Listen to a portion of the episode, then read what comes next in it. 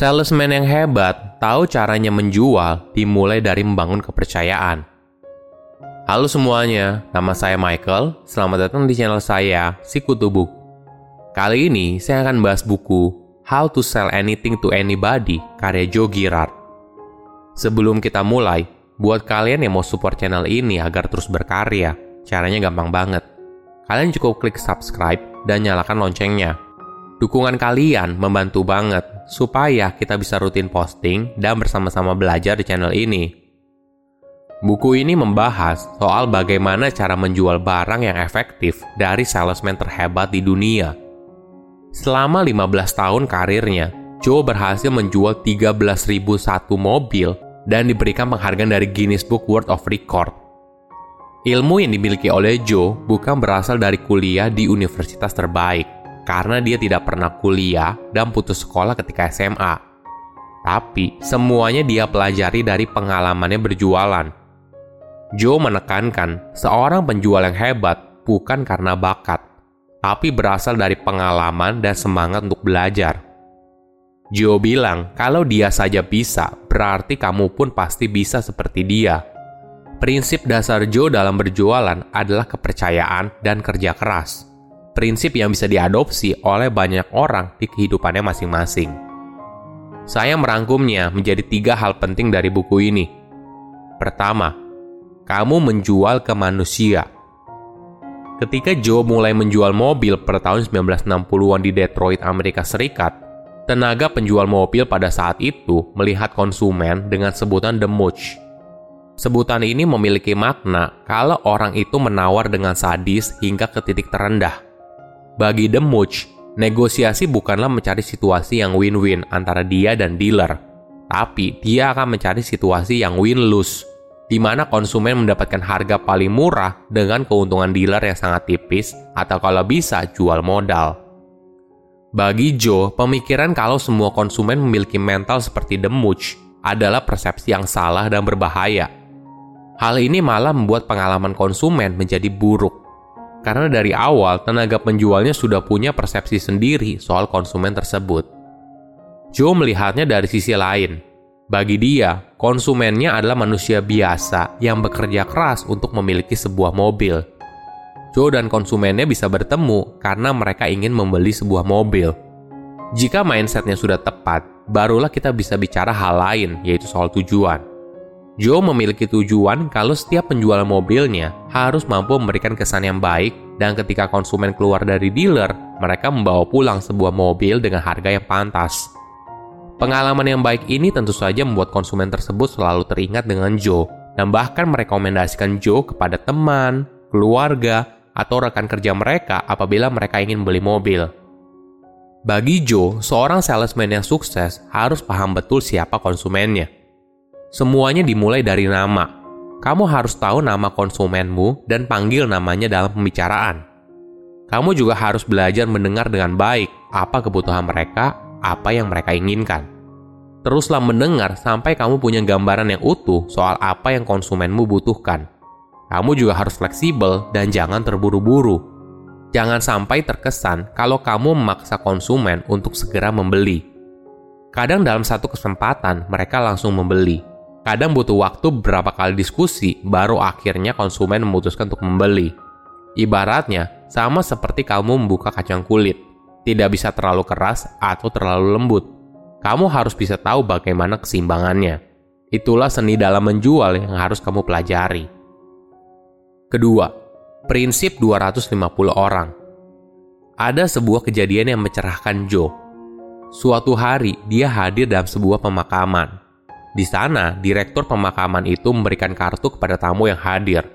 Joe pun bertanya, bagaimana direktur itu bisa tahu berapa banyak jumlah kartu yang harus dicetak dalam satu pemakaman? Direktur pemakaman itu lalu bilang, kalau orang yang datang ke pemakaman biasanya sekitar 250 orang, dan itulah jumlah kartu yang dicetak. Kemudian suatu hari, Joe dan istrinya pergi ke sebuah pesta pernikahan. Di sana, Joe bertemu dengan pemilik catering dia bertanya, berapa rata-rata tamu dalam sebuah pernikahan? Pemilik catering itu lalu bilang, rata-rata tamu dalam pernikahan itu 250 dari pihak perempuan dan 250 dari pihak laki-laki. Beberapa pengalaman ini akhirnya membuat Joe menarik sebuah kesimpulan.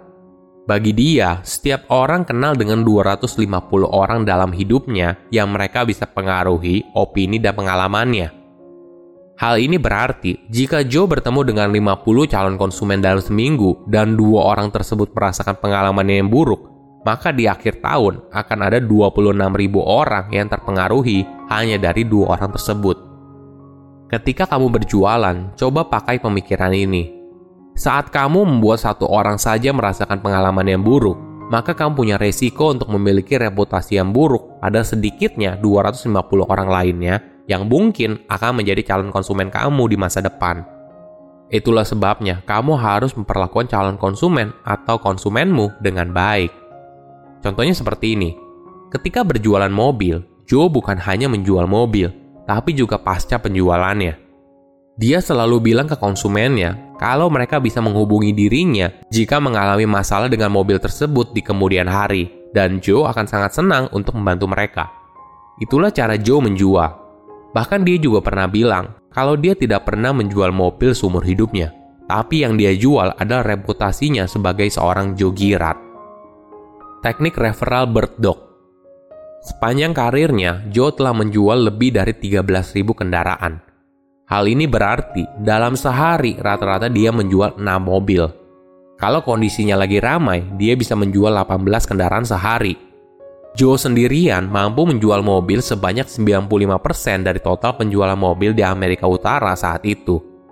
Lebih hebatnya lagi, Joe tidak menjual kepada korporasi dalam jumlah banyak. Dia menjualnya ke konsumen langsung. Inilah yang membuat semua orang penasaran. Bagaimana Joe bisa melakukannya? Bagaimana dia bisa menjadi top salesman di dunia? Salah satu tekniknya yaitu menggunakan teknik referral.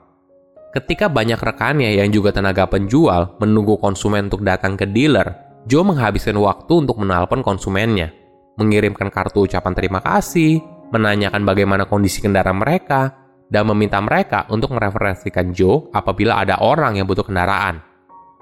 Hal yang dilakukan oleh Joe adalah membangun jaringan, atau bagi Joe hal ini disebut dengan dog. Joe akan mencari orang yang akan membantunya menemukan orang yang ingin membeli mobil sebagai imbalannya, Joe akan memberikan 50 dolar setiap mobil yang terjual. Pada saat itu nilai tersebut cukup besar. Jika sudah deal, maka Joe akan langsung membayarnya tanpa menunggu komisi pribadinya cair. Ada banyak cara untuk membangun sistem bird. Bagi Joe, bird terbaik adalah konsumen yang puas. Itulah kenapa Joe selalu menaruh surat dan kartu nama ke dalam kompartemen mobil baru konsumennya. Di surat itu, Joe juga menjelaskan bagaimana sistem berdok dan berapa komisi yang mereka bisa dapatkan.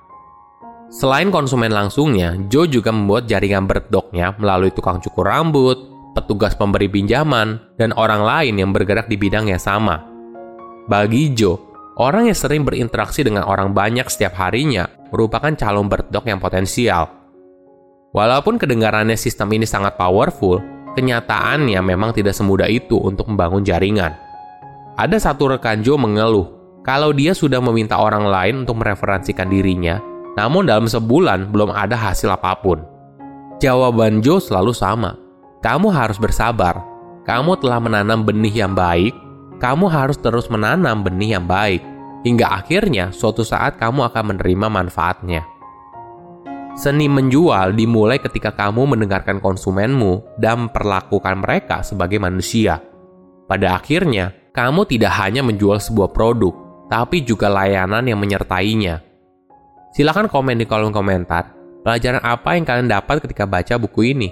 Selain itu, komen juga, mau buku apa lagi yang saya review di video berikutnya.